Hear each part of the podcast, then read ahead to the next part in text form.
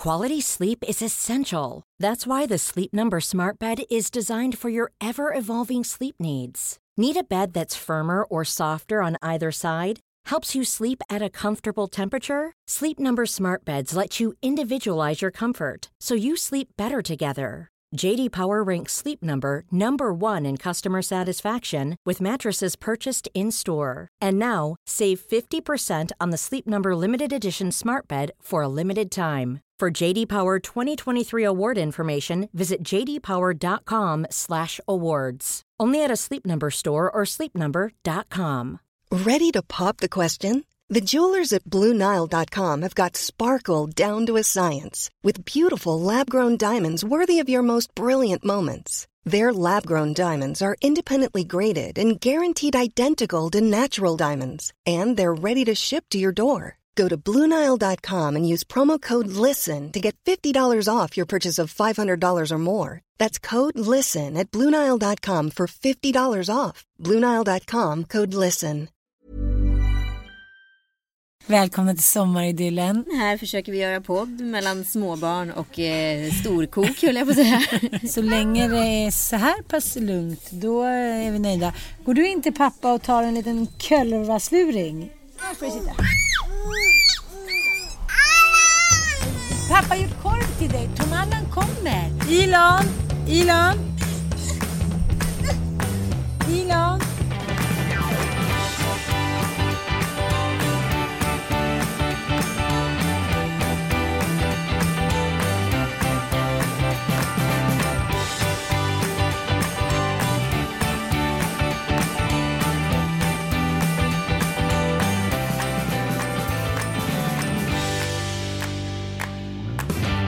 Och välkomna till dagens Lillelördag. Vi har ju blivit lite av eh, ort ortens naturister jag och eh, Anita Schulman. Hur känns det tycker du? Jo men det känns eh, spännande måste jag säga. Jag som är då ett van med ett liv i ordning eller någon form av struktur. Det här rubbar ju mina cirklar på alla sätt. Just nu sitter ju då Tom Allan här på din altan och eh, häller ut någon typ av mygguppblandat badvatten.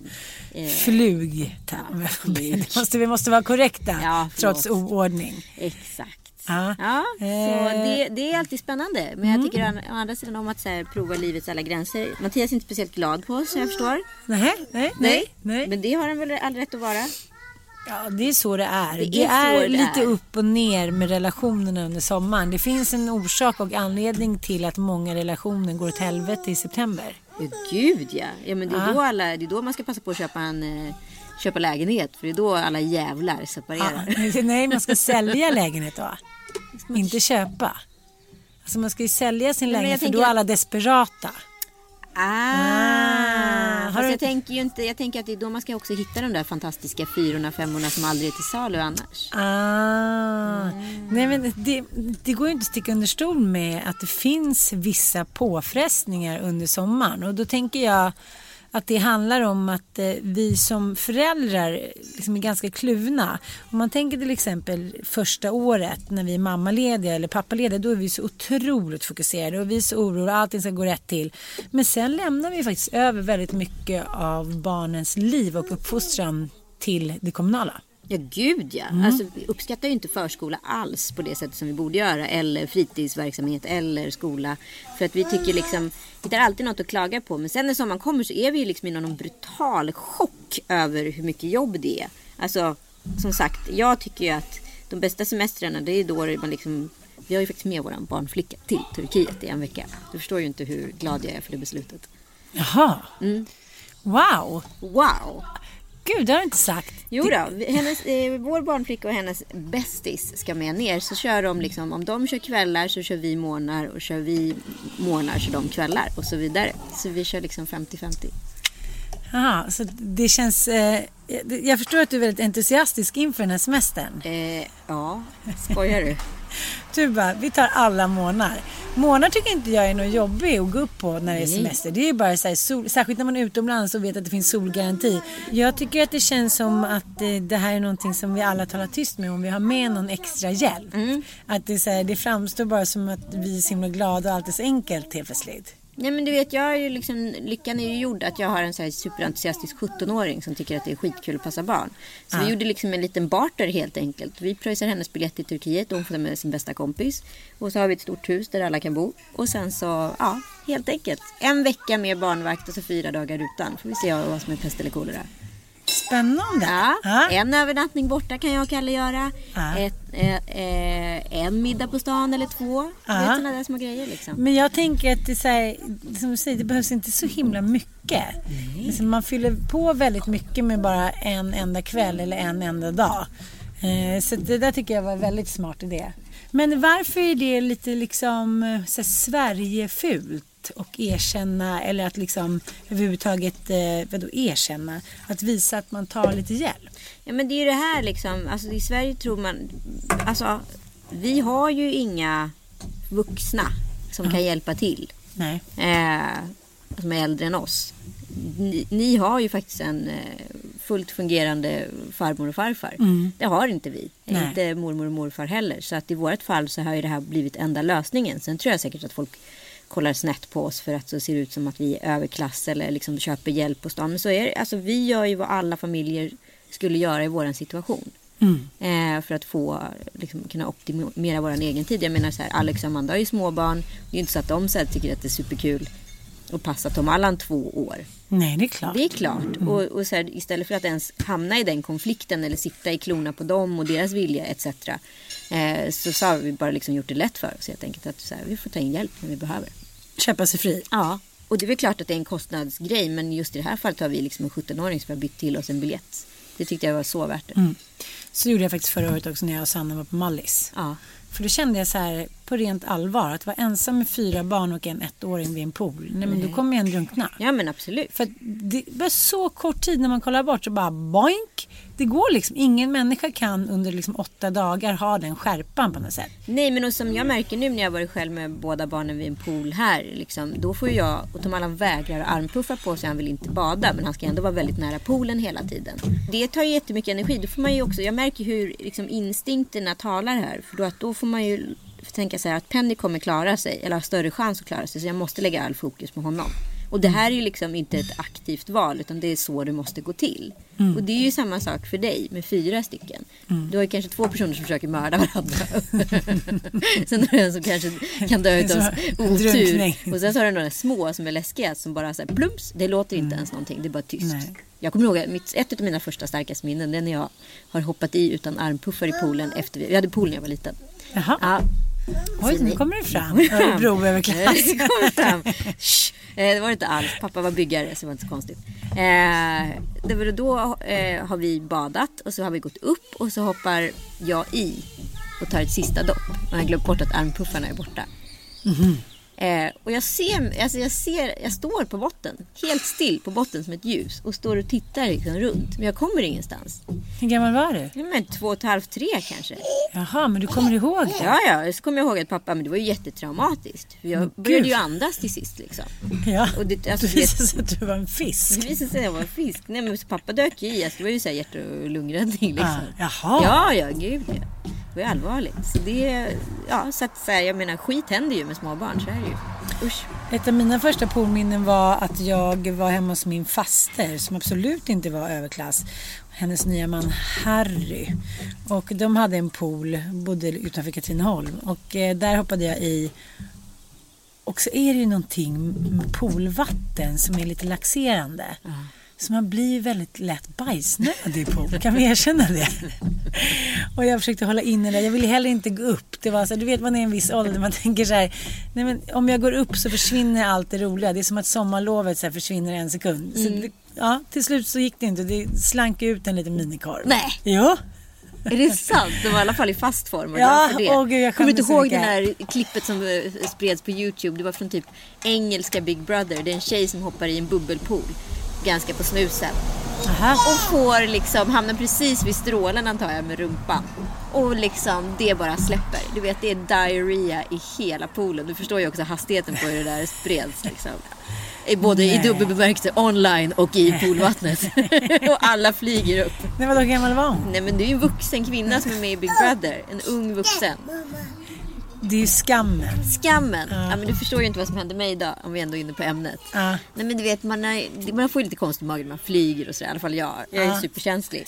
Ehm, ja, så att jag liksom Eller dricker vin eller stressar. Så jag har Du liksom inte riktigt haft en så här, Nej men gud ja. Den ställer, flygning ställer till min mage totalt. Jaha. Det är någonting med trycket tror jag. Alltså, jag Ja. ja. Om man dyker också blir man också helt uppvuxen. Det är samma Ja. sak fast åt andra hållet. Men, ja, men så jag har liksom inte riktigt haft någon, vad ska jag kalla för? Öppning. Eller liksom. så, tala, så helt plötsligt så får jag då feeling och äntligen bara känner att nu, nu är det dags liksom, att Ja. göra det. Eh, så jag sätter mig på toa då. Då var jag gäster hemma hos Alex och Amanda. Vi bodde deras gäster. och det blir liksom stopp i toan. Nej, du vet den paniken. inte. Den Ja. paniken. Så jag så här, smsar Kalle i panik för han svarar inte i telefon. Jag bara säger, fan jag, jag har skitstopp i toan. Vad ska jag göra? Vad ska jag göra liksom? Vad ska jag göra? Jag har stått och spolat så här 20 minuter och ingenting händer. Men var det diarrhea? Nej, det var inte diarrhea, it was a cloud. no, Was it was a big dark mountain. cloud. Ja, jag it was a big mountain. Eh, och du vet så här, ska, hur, alltså så här, ska jag börja gräva nu? Alltså du vet alla funderingarna Ska jag dyka ner? Nej men och, och sen så lyckas jag i alla fall eh, få loss det liksom med hjälp av så här, att man trycker på knappen flera gånger samtidigt. Och så kom jag på att duschslangen fanns i närheten så att jag kunde börja spola liksom. Så, alltså spolade egentligen sönder det och då gick det att få ner. Ja men den genansen då så skickade jag då nästa sms eh, till Kalle så här. Säg nu för fan ingenting till Alex. Mm. Sen så sitter jag inne och käkar lunch hos dem och så får- ringer Kalle till Alex och då fattar jag vad komma ska. Ja. Alex bara, har du skitit sönder toaletten och dit här? Liksom. Du vet den Men skammen. varför tycker, varför tycker, tycker tjejer också att sånt där är kul att sätta dit vänner? Kanske Nej men alltså nej, alltså som kvinna också den största så här, jag bara hatar de där bröderna så jävla mycket ibland. Att de liksom alltid ska så här ranta ut mig och Amanda på ett eller annat sätt. Man kan liksom inte be dem hålla käften om någonting. I och för sig, jag tror inte Alex skulle här, säga en sån sak om Amanda. Om det inte var så här preskriberat sedan två år sedan. Eller något sånt där. Nej men det var ju som när jag träffade Thomas Bodström, eh, den fine och faktiskt ganska snygge eh, sossen, eh, sosspolitikern. Eh, justitieminister. Justitie. Justitie. Och här på Stenungsbageriet och du vet, Bobo låg och sov i bilen. Det var inte läge att ställa sig och chitchatta. Vi är inte heller liksom like this. Men det Nej. är ändå att vi träff, liksom, kramas och säger hej. Eh, Men så bara liksom vände jag om lite när vi var där inne tillsammans. Och sen så står ju han hos Alex och Amanda när jag kommer ner där. Ja. Så jag säger hej hej och så visste jag inte om han hade sett mig och tyckte att jag var liksom otrevlig. Det är också jobbigt. Jag har hatat jag känner också mot den mannen nu. Nej men det är så här, män vill inte att, man märker det, män vill inte att man ska jobba när barn är i närheten. Det är så här, någonting som tar emot i deras DNA. Men Det kan ju knappast vara Tom Allan som är påfrestningen med tanke på att han springer här och förkovrar sig med en vattenkanna. Nej men jag vet inte, jag, jag vet inte, vi har pratat om det där förut, att det är någonting när man ska så här, göra någonting i sig själv eller för sig själv. Då är det som att så här, då är alla närvarande fast de aldrig är det annars. Nej men exakt, det är Ha? väldigt Man tar spännande. upp telefonen och pratar med en tjejkompis som man inte pratat med på ett Vem är det Och pratar om? Vem ja, pratar lite pratar du sniskesnaskig. Och då var alla så här fem typ katter på hett plåttak som bara zzz. Jag blir tok. Jag måste åka på ensam semester. Ja, du ska nog åka och, och läsa den där boken. Ja, helt ensam. Just det, apropå det så har vi kommit på en jättekul grej i Store lördag. Så om man vill lyssna på den podden så kommer vi tillsammans med er lyssnare som lyssnar på podden skriva en eh, sommardeckare. Så vi har kommit på en storyline här och eh, nu vecka för vecka kommer vi uppdatera hur den här storyn framskrider. Men jag tänker att jag har liksom på något sätt räknat ut deckaren för att jag tycker att det varit så mycket random deckare. Precis, men Paula Hawkins, den här kvinnan på tåget, är ju liksom magnifik. Mm.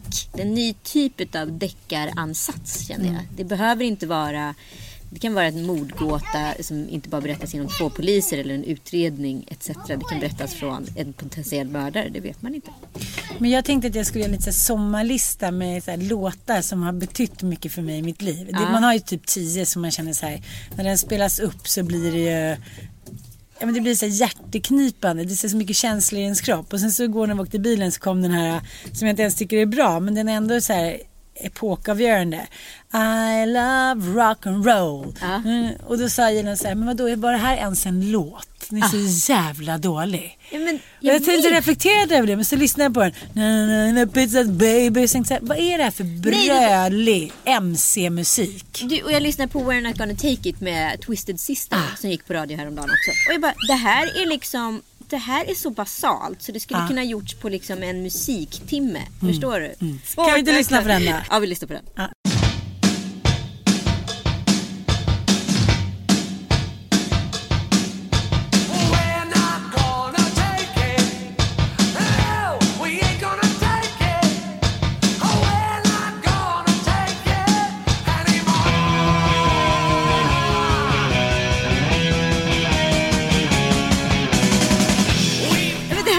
dåligt. Jag vet. Och det här stod man ju så här och kickade ass till och typ headbangade. Exakt. Okej, men kör eh, fortsättningen. Jag kommer, jag kommer spela en låt nu och så kör du fortsättningen på den här.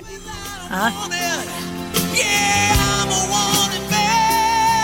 I'm a goat in your stable. I'm what Cain was the able I'm a ghost in the stable. You can I go down in a blaze of glory.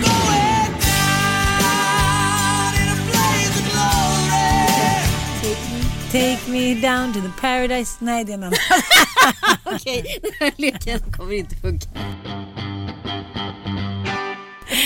Nej, men jag tänker att så här, det är lätt att romantisera så här, att det var riktiga dängor back in the good old days. Men så här, vilken skitmusik som gjordes. Man behövde ju de säger att man inte behöver kunna, göra, liksom, kunna musik nu för att skriva en hit. Jag tycker så här, det där hade jag, Tom Allan kunnat skriva en, en whisky-stinn kväll. Jo men gud ja. Jag tror bara så här, du skulle bara sitta och vara i feeling och ha tillräckligt mycket, många rim liksom. Så är du hemma.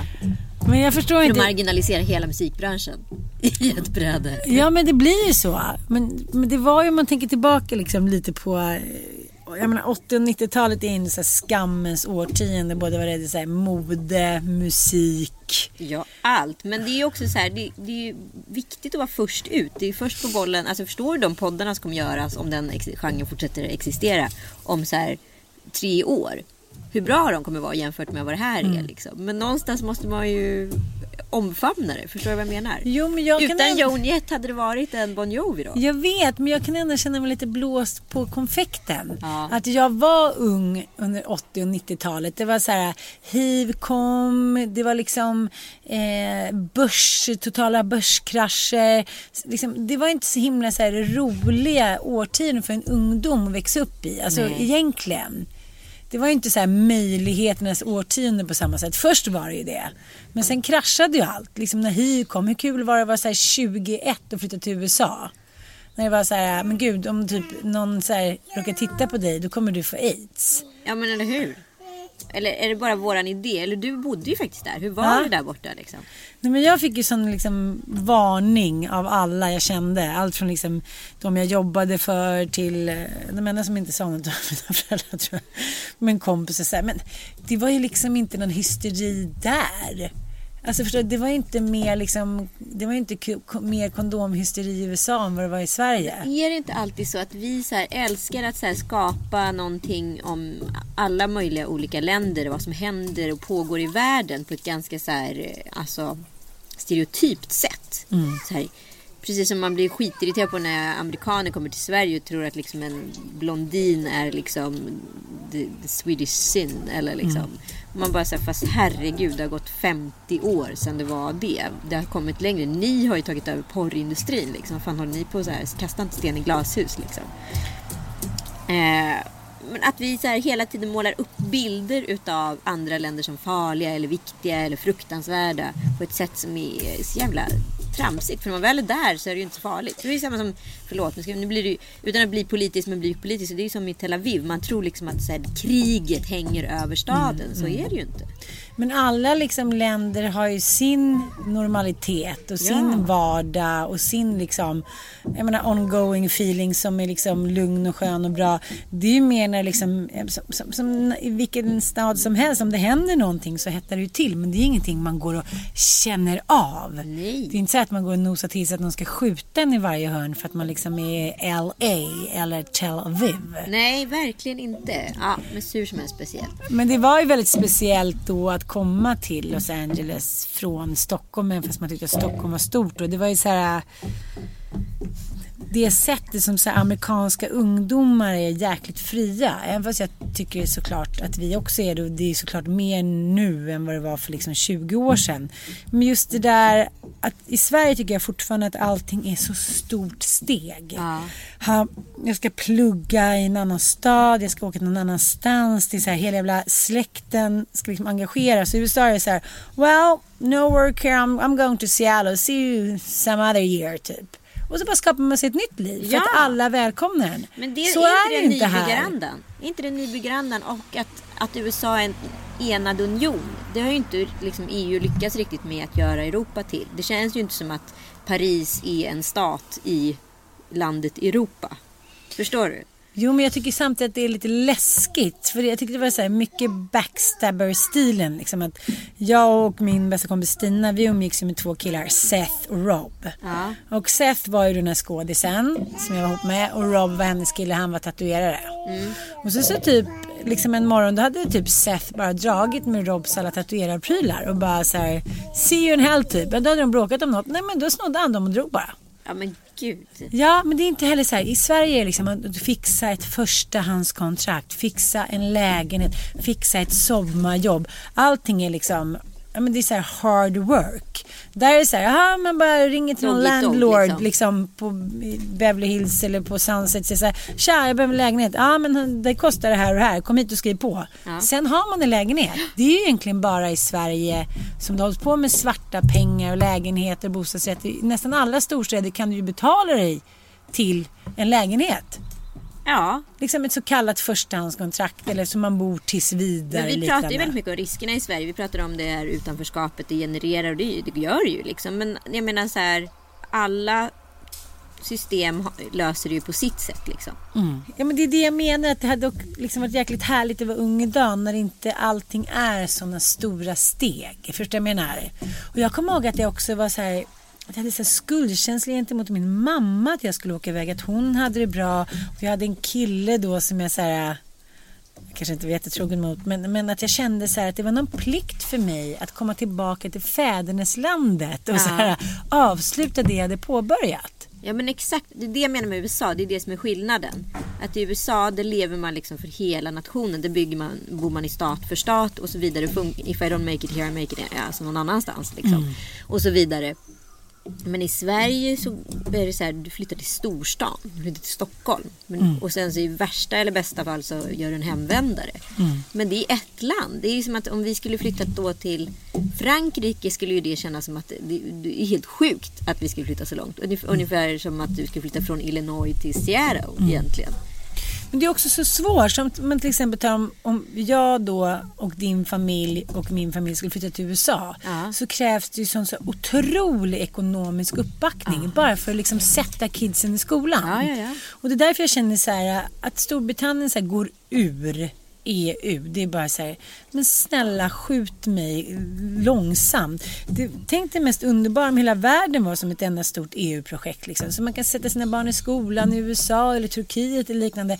Då skulle vi snacka, då skulle det bli roligt att bo i den här världen. Ja, ja, visst. För då skulle man kunna emigrera lite hur som helst. Då skulle det inte vara en sån jävla biggie att flytta någonstans. Nu är det liksom de superbemedlade som kan flytta till sådana häftiga storstäder.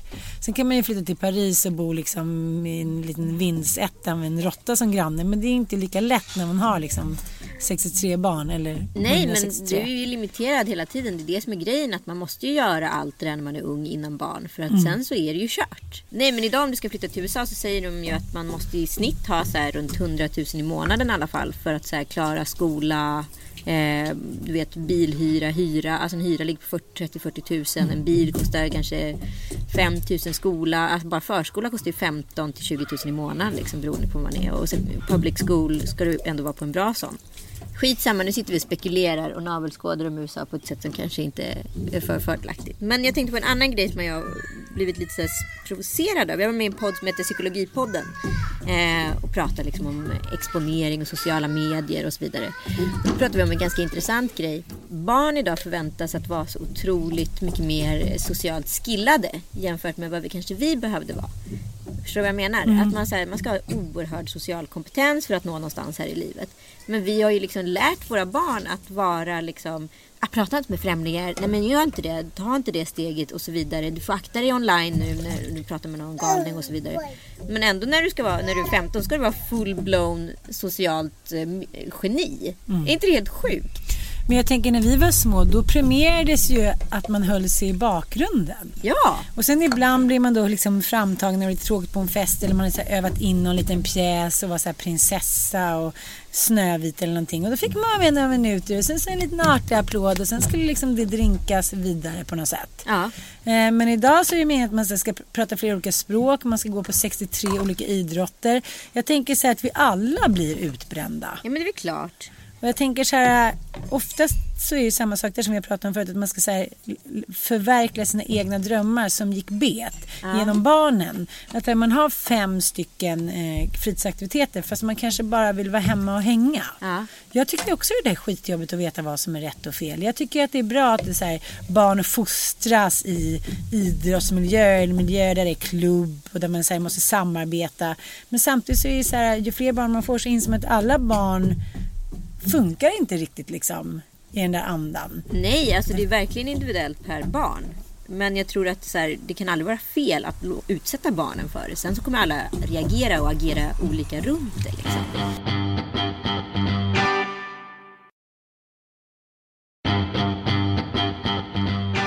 Men jag tänker på, vi måste bara tillbaka till USA-spåret. Jag tänker på Mia och Jesper Parnevik, jag tänker på Skarsgårdarna och sådär. Som är liksom en stor klan människor som far omkring. Som kan så här, växla mellan koja och slott utan problem. Och de är en jävligt härlig inställning till livet generellt och familjebilden och alltihopa. Jag menar så här, är den liksom utvandrade svensken den fria människan? För mig är, känns det lite så. Att de är så jävla lyckliga och lyckade utan att vara liksom, skrivare i pannan.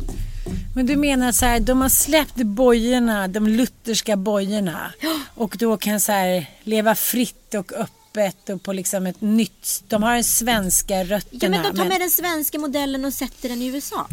Förstår du vad jag menar? Genialiskt. Ja, genialiskt. Ja. Och där någonstans kan jag känna så här, där vill jag vara.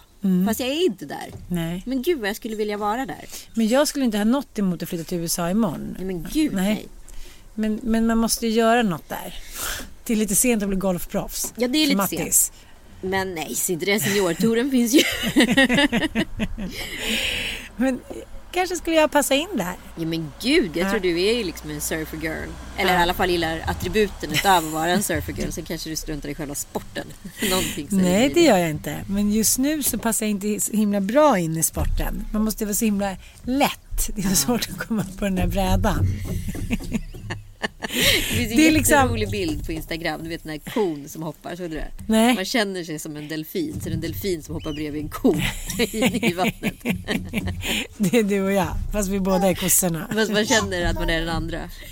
Men, men så att jag tycker så här, jag förstår den känslan av att man har kvar sina svenska rötter och sina svenska ändå så här, man har en sorts förpliktelse som svensk tycker jag. Man har den där grejen i ryggen, sitter rakt, avslutar med uppdrag. Det är därför vi har så otroligt bra rykte ute Ja. i världen också. Jag kommer ihåg när jag bodde i USA, när man varit i USA och alla tycker så här, you're so healthy, you're sweet. Liksom, det är så här, man skulle kunna sitta med en kanin i armen och skulle fortfarande bara säga you're so healthy. Oh, you're such a good worker, working girl. Alltså det finns bara en så här otroligt positiv bild kring svenskar utomlands i alla länder. Ja men så är det ju verkligen. Och det är ju det är så här få Ja, det- förunnat att det har blivit så. Men vi, jag tror att det handlar om den, den lutherska, alltså svenska så här, nybyggarandan men Mm. ändå liksom ett jävla ansvar. Jag, jag måste ändå säga att vi har väldigt hög moral. Alltså det spelar ingen Mm. roll. Det var ju nu bodde vi på så här lyxhotell i Frankrike och då tänker man ju liksom att det ska vara liksom det, håll käften shit. Alla ska vara på tå. Mm. Alltså om jag vill äta en leverpastej klockan tre på morgonen ska jag få göra det. Alltså så knasigt. För så funkar ju Grand Hotel i Sverige. Liksom. Eh, men vår flight var försenade och ah, men, eh, ja, jag var skithangry när vi kom dit och klockan var kanske halv elva liksom. Eh, och då gick det inte att få mat. Halv elva, Elva på på kvällen. kvällen. Men, på Så ett att- lyxhotell? Ja, och jag var så här, jag blev så chockad så till sist blev jag hangry på riktigt, alltså hungrig arg. Så att eh, först då, då kunde de så här, sno ihop en mozzarella-sallad med lite pesto och, eller en caprese helt enkelt. Och sen så eh, kunde jag få någon så här lax helt plötsligt. Som, att, det gick att få var inga konstigheter då. Men det, tog en, det var ändå en ansats till det. Men det skulle aldrig hänt i Sverige. För det är en bristande moral i grunden. Och där kan jag bli helt galen. För att man så här, om jag betalar sådana pengar för att bo på ett sånt ställe eh, som det förväntas. Då förväntas det också ha en viss standard. Liksom. Ja. Men det är ungefär som man har kompisar köpt lägenheter och liknande i Spanien som är så här uttrycket manana manana. Nu vet inte jag hur mycket liksom det är bara så vi svenskar som tycker att det är roligt att liksom så här skapa en liten historia kring det där. Men jag tycker ändå att det verkar ligga något i det att säga Fan solen finns ju där hela tiden. Och jag liksom, men lite så löjligt men sträcker ut en hand så finns det någon mogen frukt. Alltså det viktigaste i livet är inte jobbet. Nej. Och det har det alltid varit för svensken. Exakt. Men det är också paradoxalt för vi har världens längsta föräldraledighet. Vi har liksom väldigt lång semester om man jämför med många andra länder. Och ändå sitter vi med den lutherska moralen. Det är ganska märkligt faktiskt. Ja, man tar USA, väldigt- tre veckors semester. Japan, två veckors semester. Tre, veck- tre månaders föräldraledighet Ja, och så vidare. ja. Eller mammaledighet, för där är ju inte männen hemma. Nej. Eh, nej men det är väl klart att det är så speciellt. Och då tänker man att så moralen borde vara högre, men så är det inte. Alltså vi är väldigt skyddade, men vi är också väldigt dömande. Mm. Så det är en, ja, det är en osäker bransch att vara svensk. Men jag tänker också att just på sommaren så är det ju väldigt, väldigt många som släpper på moralen. Och just det här med drickandet och liksom otroheten. Det är som så här, äntligen de här, under, under de få korta ljusa sommarmånaderna. Då är det så här, då ska vi ta igen allt. Men jag hörde precis, fick lite rapporter från ett par kompisar av olika genrer som har valt att semestra ihop.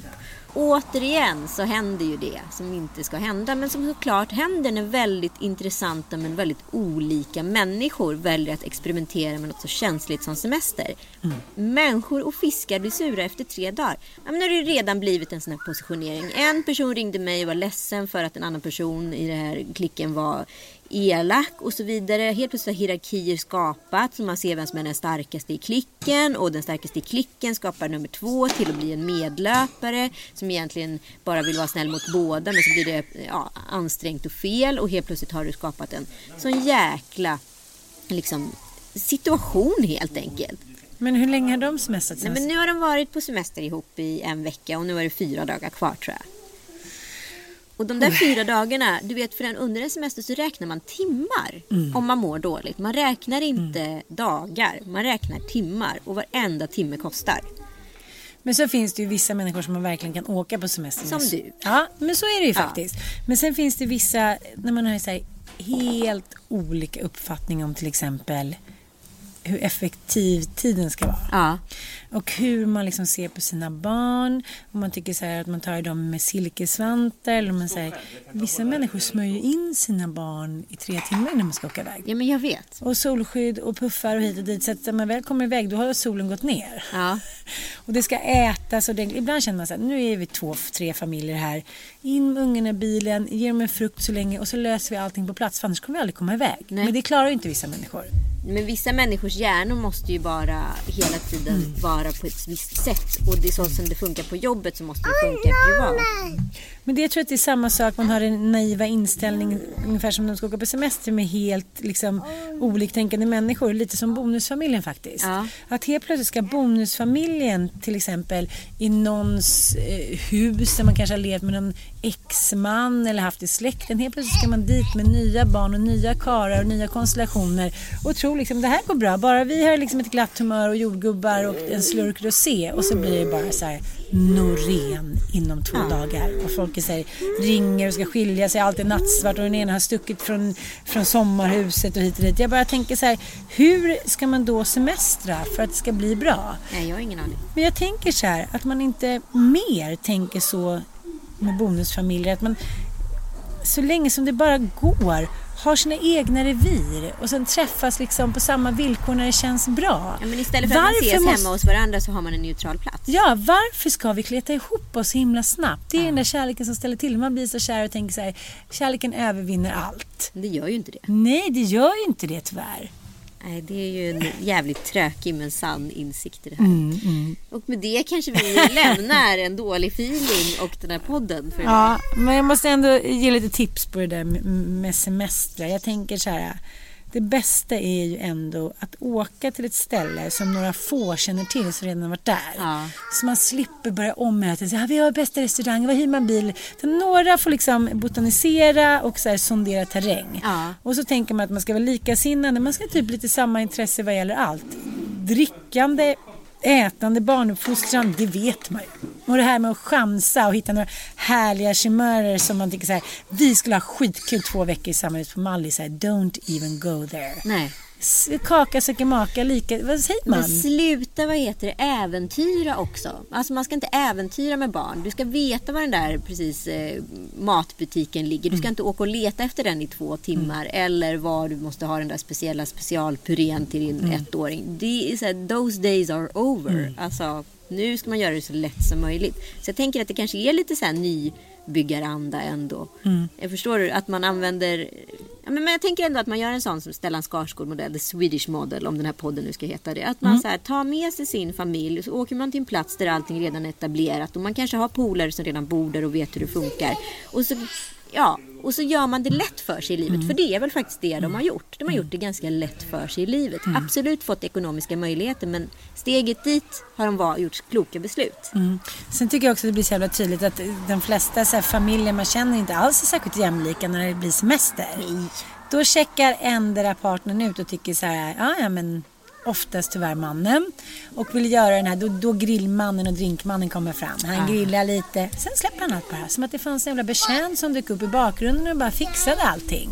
Och så ska han ha beröm och, sen så, och som att han inte ser alla de här arga blickarna. Nej men det jag vet och det är så sjukt. Men jag tror inte jag har sett så många hemmagjorda såser någonsin på Instagram som den här sommaren. Det måste vara den nya trenden. Istället för köttbiten så är det såsen det handlar om. Det handlar om att man gör den perfekta, slår den perfekta bean eller den perfekta rödvinssåsen och så vidare. Det måste jag gå in och kolla på. Det var en liten semesterspaning. Verkligen. Ja, det är inte så här grillmästaren längre, det är såsmästaren. Souschefen. Ja, jag hittade en Och liten nu buss också. ska Tom Allan och jag åka hem och göra kväll tror jag. Ja. Buttan. De är söta i alla fall, det är tur det. Det är ni också. Tack för att ni har lyssnat. Puss och kram. Hoppas ni har det bra där ute. Hej. Hej.